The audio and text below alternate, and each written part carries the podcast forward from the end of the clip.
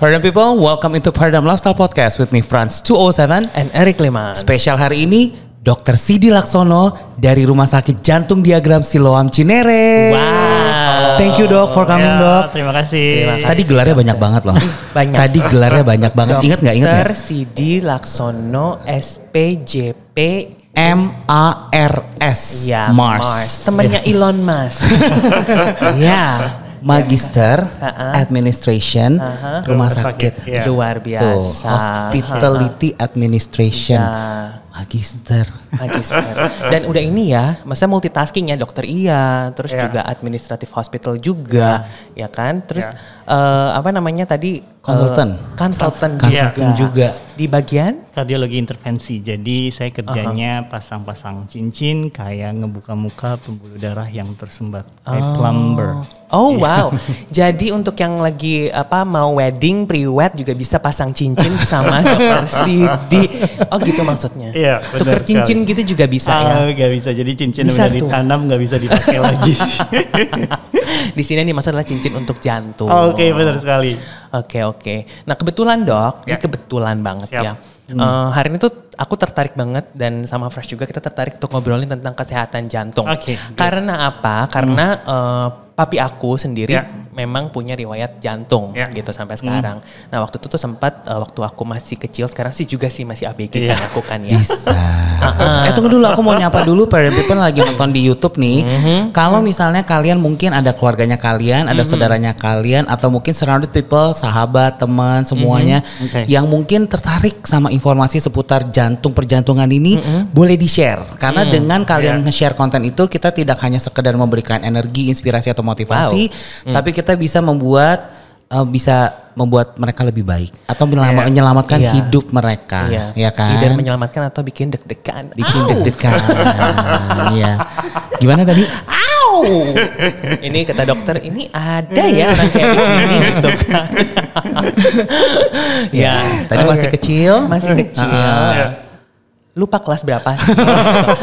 Cuma pada saat itu tuh uh, papi aku terdiagnosis ada jantung dan uh, apa namanya papi aku tuh harus uh, menjalankan apa balon Bypass. ya. Oh, balon. Oke. Uh, Ah. Apa sih apa masa kecilnya kurang bahagia terus dia pasang balon-balon biru berwarna atau gimana sih dok? Enggak, jadi eh, pada dasarnya setiap sumbatan di pembuluh darah jantung atau koroner itu, jadi eh, kita harus ngebuka dulu ya. Jadi ngebukanya pertama pakai balon. Kemudian kita lihat lagi apakah dengan balon saja sudah cukup atau belum. Kalau misalkan belum, kita bisa tambahkan dengan eh, namanya cincin. Gitu. Oh. Dan teknologi sekarang ini balonnya ada yang berlapis obat, jadi tidak perlu pakai cincin. Dan sekarang ini cincinnya juga ada yang terlarut, jadi eh, dia cukup ditanam nanti dia akan larut sendiri. Oh wow, dan itu justru bisa menyembuhkan. Bisa, kan yang semua tersumbat, ibaratnya kayak kita punya dam, eh, kan setelah dam itu kan nggak ada aliran air ya, jadi eh, semua pohon atau tumbuhan yang di sekitar dam itu pasti akan mati. Nah, prinsipnya juga sama yang ada di jantung. Jadi kalau pembuluh darah tersumbat, otot-otot jantung akan rusak dan mati. Kita harus memperbaikinya sebelum dia rusak dan mati. Karena kalau udah mati ya nggak bisa diapa-apain.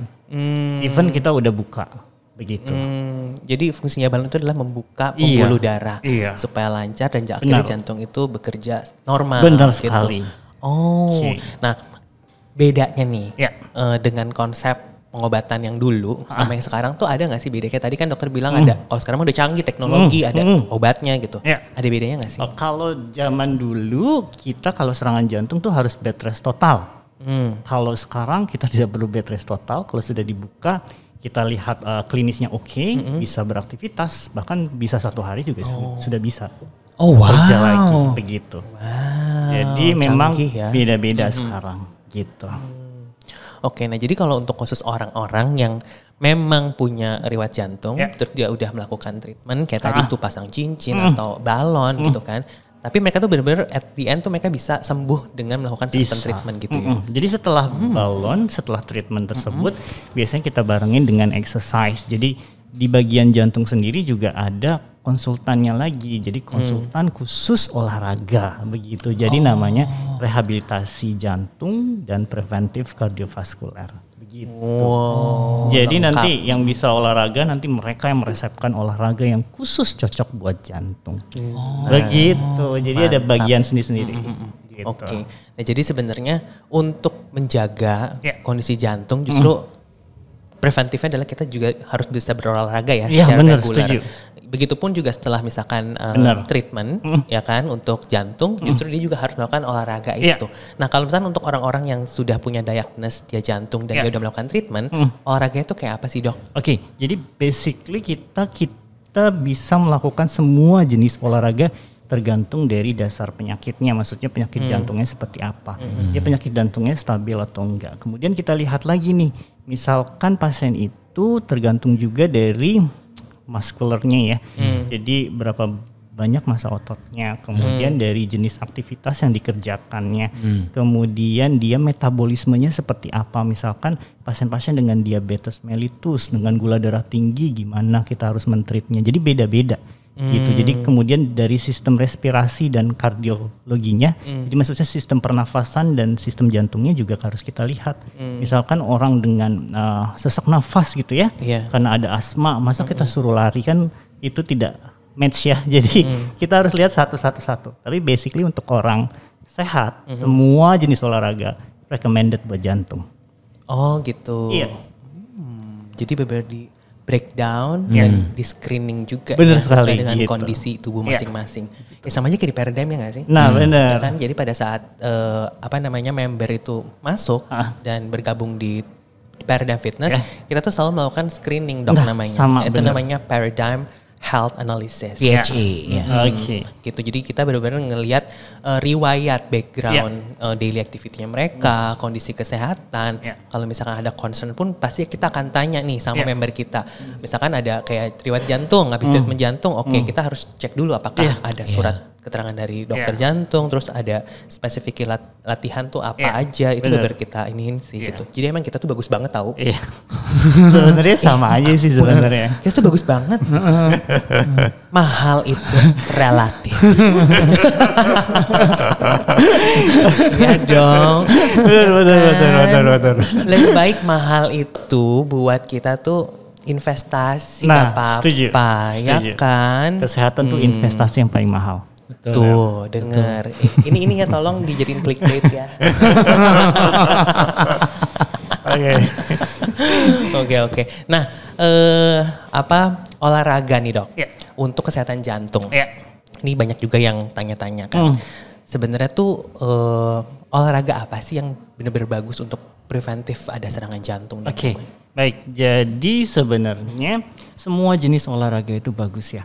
Jadi tidak ada larangan ataupun uh, strict- restriction kecuali kalau ada dasar-dasar yang kuat kayak misalkan lagi serangan akut gitu ya. Ya kita nggak bisa ngeresepin olahraga. Serangan aku tuh apa maksudnya? Serangan akut misalkan lagi sesak nafas berat gitu, kemudian dadanya sakit sekali, masa kita suruh olahraga itu kan eh, nggak bagus ya. Berarti itu nggak boleh kita eh, kita recommendationnya buat olahraga tuh nggak bagus. Aku Jadi kira ini nonton horor serangan akut. itu takut. Jadi pada dasarnya semua jenis olahraga itu bagus buat jantung. Jadi kita bisa merekomendasikannya untuk olahraga. Jadi kalau di panduan kita itu ada dari Eropa, jadi dari Eropa dan dari Amerika ataupun dari Indonesia juga di Perkumpulan Jantung Indonesia. Jadi merekomendasikan untuk olahraga selama 150 menit selama dalam waktu satu minggu. Tuh gampang ya, 150 menit dengan intensitas yang sedang Hmm. atau enggak dengan 75 menit Mhm. Per minggu dengan intensitas yang vigorous gitu. Oh. Oke, jadi kayak kalau uh, moderate intensity bangsanya kayak brisk walking gitu ya. Kemudian kalau uh, misalkan dia vigorous kayak misalkan kan running gitu. Jadi beda-beda. Jadi kita harus lihat dulu per individu ya. Jadi nggak bisa kita pukul sama rata. Yang bisa kita pukul sama rata itu adalah brisk walking. Jadi semua orang bisa jalan kan pada dasarnya. Jadi kita bisa menerapkan uh, jalan aja gitu. Makanya kalau di Amerika dulu kan harus menerapkan sampai 150 menit tuh ya.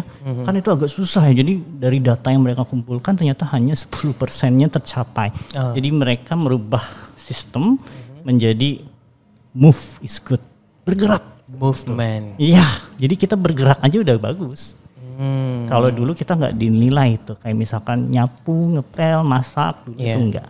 Kalau sekarang bergerak aja gitu. Jadi lebih lebih bebas ya. Jadi lebih nggak terlalu monoton gitu. Gitu mau angkat beban boleh, nggak ada masalah. Angkat meja. Nah. Angkat dispenser, astaga. Angkat anak ya kan.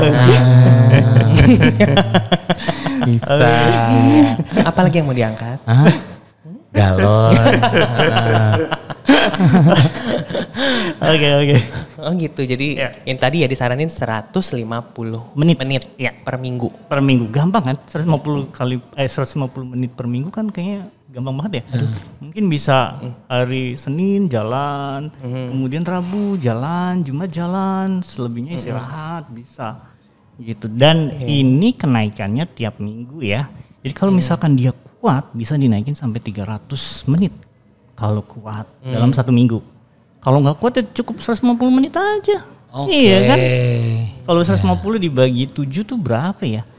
Jadi kira-kira berapa nih tuh? 20 ya? Heeh. 20 Oh, iya. sekitar 20 25 menit ya. Jadi ya 25 25 menit mah kayak ngapain ya? Benar. Kayak kita nunggu main handphone kan bisa sampai 30 menitan tuh mendingan Iya, 30 bergerak jam Nah, atau enggak naik tangga gitu kan kayak Ah. lebih lebih oke. Itu yang olahraga yang bisa kita pukul rata. Hmm. Tapi sebenarnya nggak semua juga yang bisa dipukul rata. Masa Hmm. orang kayak mas-mas suruh jalan kaki kan kayaknya kurang oke ya. Jadi biasanya bisa ikut strength training atau apa pun endurance training juga nggak ada masalah.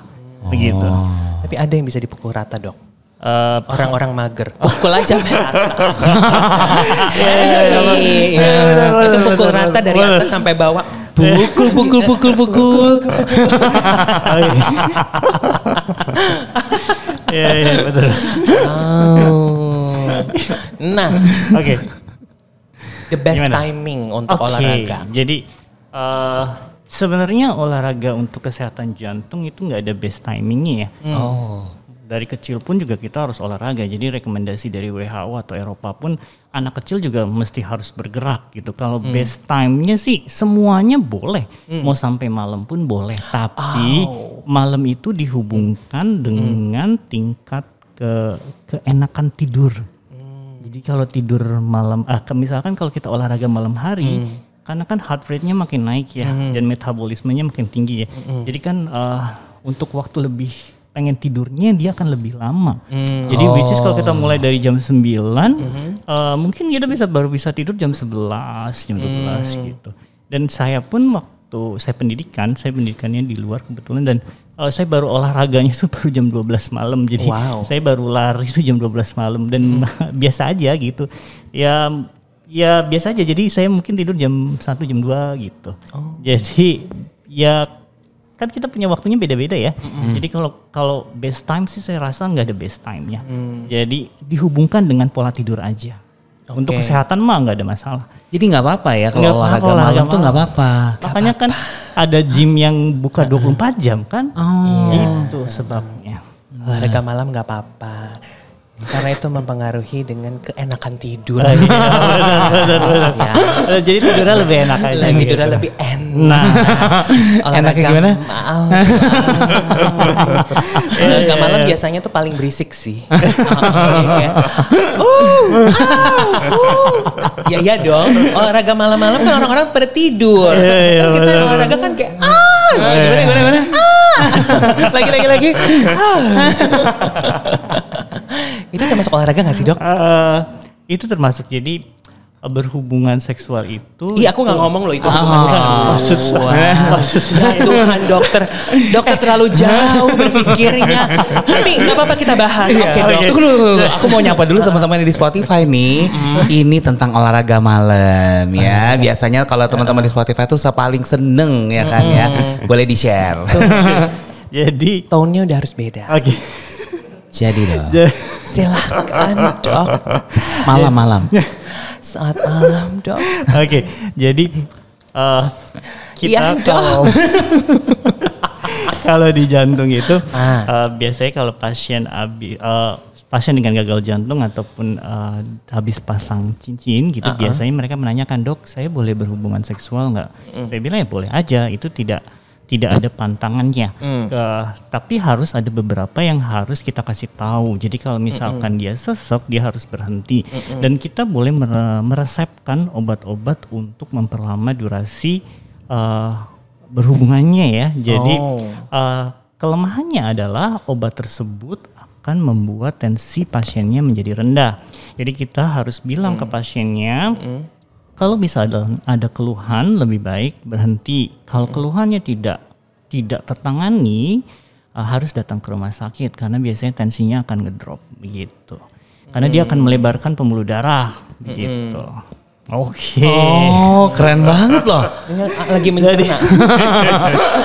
Aku tuh lagi mencerna sambil ngebayangin. Oke. gitu kayak hmm, jadi pengen enak tapi tanggung gitu. Tapi berhenti dulu, ya kan ya. gitu. Oh, Oke. Tapi nggak apa-apa ya. nggak apa-apa. Jadi tidak tidak ada ti- kecuali kalau memang dia basic basic uh, untuk aktivitinya rendah banget. Jadi kayak misalkan kita tanya nih, uh, bapak bisa mandi sendiri nggak? Hmm. Maksudnya mandi kemudian bersabun kemudian pakai baju kayak daily living activities. Kalau misalkan dia nggak bisa, kita bisa mengkira-kira nih. Jadi kemampuan seks itu kan uh, dia agak sedikit lebih tinggi daripada basic activities. Jadi kalau basic aja dia nggak bisa melakukan, berarti kemampuan seksnya pasti akan lebih rendah rendah. Begitu. Jadi kita punya cara-caranya. Oh ini nggak bisa nih. Jadi kita merekomendasikan bahwa oh, untuk sementara belum boleh sampai kondisi jantungnya lebih stabil begitu. Jadi ada beberapa yang kita rekomendasikan. Begitu. Jadi nggak bisa dipukul rata ya. Jadi tiap kasus beda-beda. Oke. Begitu. Tapi ada juga yang kemampuannya tinggi, Oke. tapi daily activity-nya rendah dok. Oh itu tidak disarankan nih karena kalau kita kalau dipaksakan nanti jantungnya makin nggak nggak itu oke gitu. manja namanya. Maksa. manja. Manja. Daily activity mau dilayani. Begitu aneh juga pengen enak. Manja. Bukan jantung manja. Oke. ya. Siap, siap. Gitu. Itu resepnya ya. Ya. Jadi harus konsultasi ya, konsultasi ke dokter gitu. Dan berdasarkan persetujuan Nah, dengan pasangan ya. Benar, benar, benar. benar. Yes no yes no gitu Itu, ya oke. sama kode ya kalau sesekan ah stop Gimana gimana? gimana ah stop ini podcast apa sih gila deh gue deh astaga Eh tapi ini beneran loh. Ah, aku baru baru baru baru tahu. Iya. Iya, ternyata ternyata kayak begitu ya. ada ada rumusnya Iya ada rumusnya. Ben- tapi benar benar benar benar benar benar. Oh. Hmm. kalau posisi-posisi gitu nggak apa-apa kan Oh, enggak ada. nggak ada Tenang aja. asal jangan kepala di bawah kali ya Itu buat dar- yang darah rendah, ya kan? astaga nah Oke. satu lagi dok Siap. nggak satu sih banyak Oke, nah gimana? cuman jadi gini kan kita lagi ngebahas olahraga malam Ha-ha. ya kan olahraga malam nih ya kan tapi ada juga kayak misalnya eh, entah itu mitos atau fakta Hmm. gitu kan makanya kita tanya nih Oke. ada juga yang misalkan ada kayak eh, apa cerita-cerita gitu Hmm. oh ini habis olahraga malam tiba-tiba kayak jam berapa subuh-subuh tuh kena serangan jantung atau Iya. gimana itu tuh kenapa sih dok Oke, bisa. Jadi pada dasarnya eh, orang Indonesia kan tidak memeriksa jantungnya secara reguler ya. Jadi datang kalau ada keluhan saja. Jadi memang pada saat kalau di luar negeri mereka ada screeningnya ya. Bahkan untuk atlet aja untuk melakukan olahraga mereka ada screeningnya.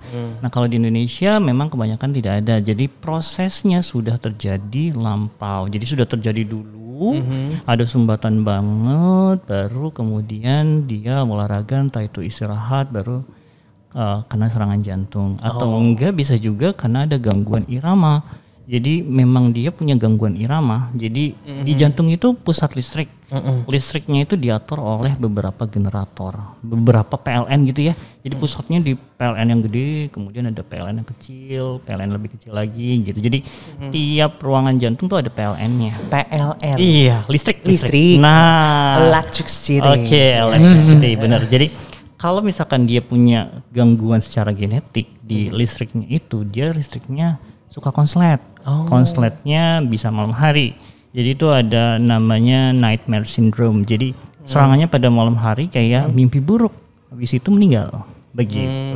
Nah di Indonesia sayangnya mereka uh, kita Mhm. tidak aware gitu. Jadi uh, mungkin orang Indonesia menganggap bahwa sakit jantung itu hanya pada orang tua gitu. Hmm. Jadi yang muda-muda tuh enggak. Kan banyak yang kena serangan jantung usia muda ya. Hmm. Kemudian uh, ada gangguan irama juga usia muda. Jadi Hmm. pada dasarnya sebenarnya screening itu yang oke sih. Hmm. Jadi sama seperti kalian, kalian kan men-screening customer kalian kan pada Hmm. awalnya. Itu juga sama harusnya dilakukan screening. Tapi mungkin awarenessnya aja dari kita yang agak kurang gitu untuk datang ke rumah sakit. Untuk cek reguler Nah, bener. Jadi nggak cuma orang tua doang, tapi bahkan possibility di anak-anak muda ya. Iya, bisa. Pantesan sih belakang ini aku juga suka ngeliat orang-orang yang suka latah gitu loh. Ay cepat gitu. Ngerti gak sih? Itu jantungan gak sih kalau kayak gitu itu enggak itu itu bukan Itu lifestyle ya. Oke. lifestyle. itu nggak termasuk ya guys. Kalau orang-orang latah itu bukan jantungan ya, tapi a lifestyle. Heeh. Kebiasaan. oh bukan. bukan itu bukan. Oh. Eh tapi speaking of orang Indonesia yang mungkin kurang aware untuk Iya. ngecek. Oh, eh tapi kayaknya nggak cuma orang Indonesia loh dok. Iya, Umat manusia. Nah, bener ya sekali. Kan? Iya. Kadang tuh suka eh ya udah begitu aja. Kalau ada masalah baru dicari Tuhan. Nah. Kurang lebih begitu. eh aku mau nanya dulu nih. Sama yang lagi nonton di YouTube. Eh, kalian yang yang udah ngikutin ini sampai udah eh, durasinya di sini nih. Nah aku mau nanya sama kalian. Kapan kalian terakhir kali screening jantungnya kalian? Nah, kalian boleh tulis nih di komen di bawah gitu ya kan karena kebetulan akan ditonton sama dokter sidinya langsung. Ya kan? Dan akan ada kejutan yang bikin kalian deg-degan. Bersama Paradigm Fitness dan juga Rumah Sakit Jantung Diagram Siloam betul Cinere ya kan? Cinere. Cinere krung tep mahanak ho. Jadi pan- biar panjang. coba dong lanjutin loh rumah sakit Rumah sakit Jantung Diagram Siloam. Cinere krung tep mahanak ho. Mahanakon jangan salah. Oke. sampai speechless sampai speechless iya kan nah Iya. jadi eh, apa yang dicek di screening gitu Iya. kan kan eh, biasa kalau orang kalau misalnya screening jantung tuh harus apa aja sih dok stepsnya Oh stepnya. Jadi biasanya nanti eh, tiap rumah sakit punya jenis screening yang berbeda-beda ya. Jadi pada dasarnya yang screening di awal biasanya paling cek EKG, kemudian eh, cek lab, kemudian dari treadmill testnya, kemudian dari echo-nya. Dan kita eh, bisa mencocokkan dengan klinisnya pasien seperti apa. Begitu nanti kita treat satu-satu. Jadi kalau misalkan screeningnya masih ada sesuatu yang aneh, mungkin kita bisa lakukan pemeriksaan lanjutannya, misalkan CT scan atau MRI begitu. Jadi pada dasarnya kita mencari tahu sampai seberapa terjadi gangguannya. Kalau misalkan gak ada gangguan ya sudah, tenang saja. oke Gitu. Dan bisa evaluasi tiap satu tahun. Begitu. oh gitu jadi satu tahun Iya. sekali gitu ya? Iya. Oke oke. Nah jadi eh, segera coming soon ya. Jadi Paradigm Fitness itu akan bekerja sama dengan Rumah Sakit Jantung Diagram Siloam Cinere. Cinere Kerota. Oke. ya kan? Ini khusus eksklusif. betul Hanya untuk Paradigm People, member Paradigm Fitness untuk bisa Iya. uh, cek mini cek jantung, ya Iya. kan? Iya. Itu di Rumah Sakit Jantung Diagram Siloam uh, Cinere. Siloam Cinere, Iya. ya kan? Dan ada akan ada special price untuk konsultasi-konsultasi dan juga uh, apa namanya analisis juga untuk kesehatan jantung. Iya. Luar biasa kan? Iya, benar. ya kan Ya kan, Paradigm Fitness, it's your future. ya kan ya kan. Oh, jadi sangat penting ya untuk cek bener. reguler. Hmm. Itu mulai dari EKG. Ya. EKG itu temannya Karage ya?